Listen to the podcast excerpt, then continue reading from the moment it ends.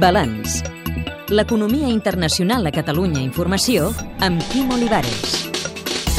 El retrat econòmic dels estats de la Unió Europea que han aconseguit o recuperat la independència les últimes dècades ens porta a la república bàltica més meridional, Lituània.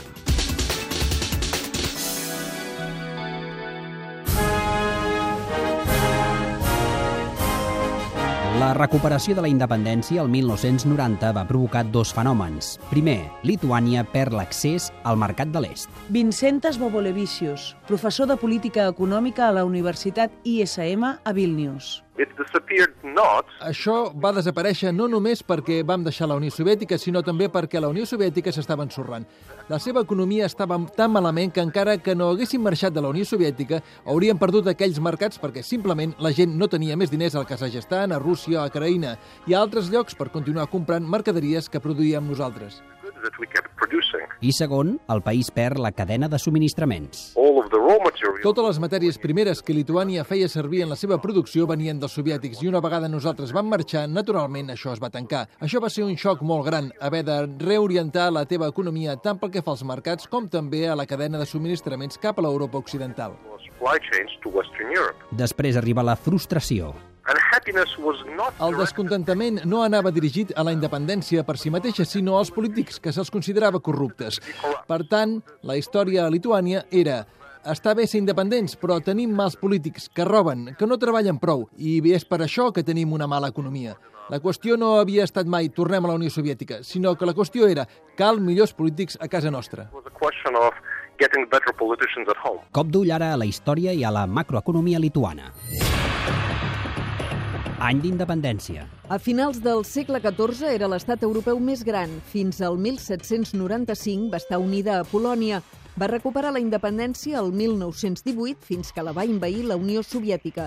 Va ser una altra vegada independent el 1990. Any d'ingrés a la Unió Europea i a l'OTAN. 2004, Quilòmetres quadrats. 65.000, Població. 3 milions i mig. Moneda. Lites. Segons el Producte Interior Brut del 2011, És l'economia mundial número 86. taxa d'atur, 15,4%.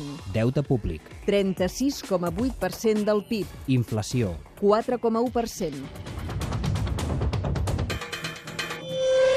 La independència també comporta altres inconvenients.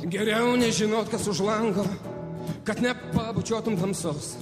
Lituània descobreix aviat que no és el mateix exportar a Moldàvia que a Alemanya. We soon found out that Aviat vam descobrir que els requisits de qualitat de l'Europa occidental eren molt més alts que la Unió Soviètica. Per tant, els productes lituans se'ls considerava normalment d'alta qualitat a Rússia, Bielorússia o Moldàvia, però no eren d'alta qualitat a Alemanya. high quality in Germany. La transició no va deixar de banda la comunitat russa, sempre minoritària a Lituània. Algirdas Mishkinisa, professor a la Facultat d'Economia de la Universitat de Vilnius.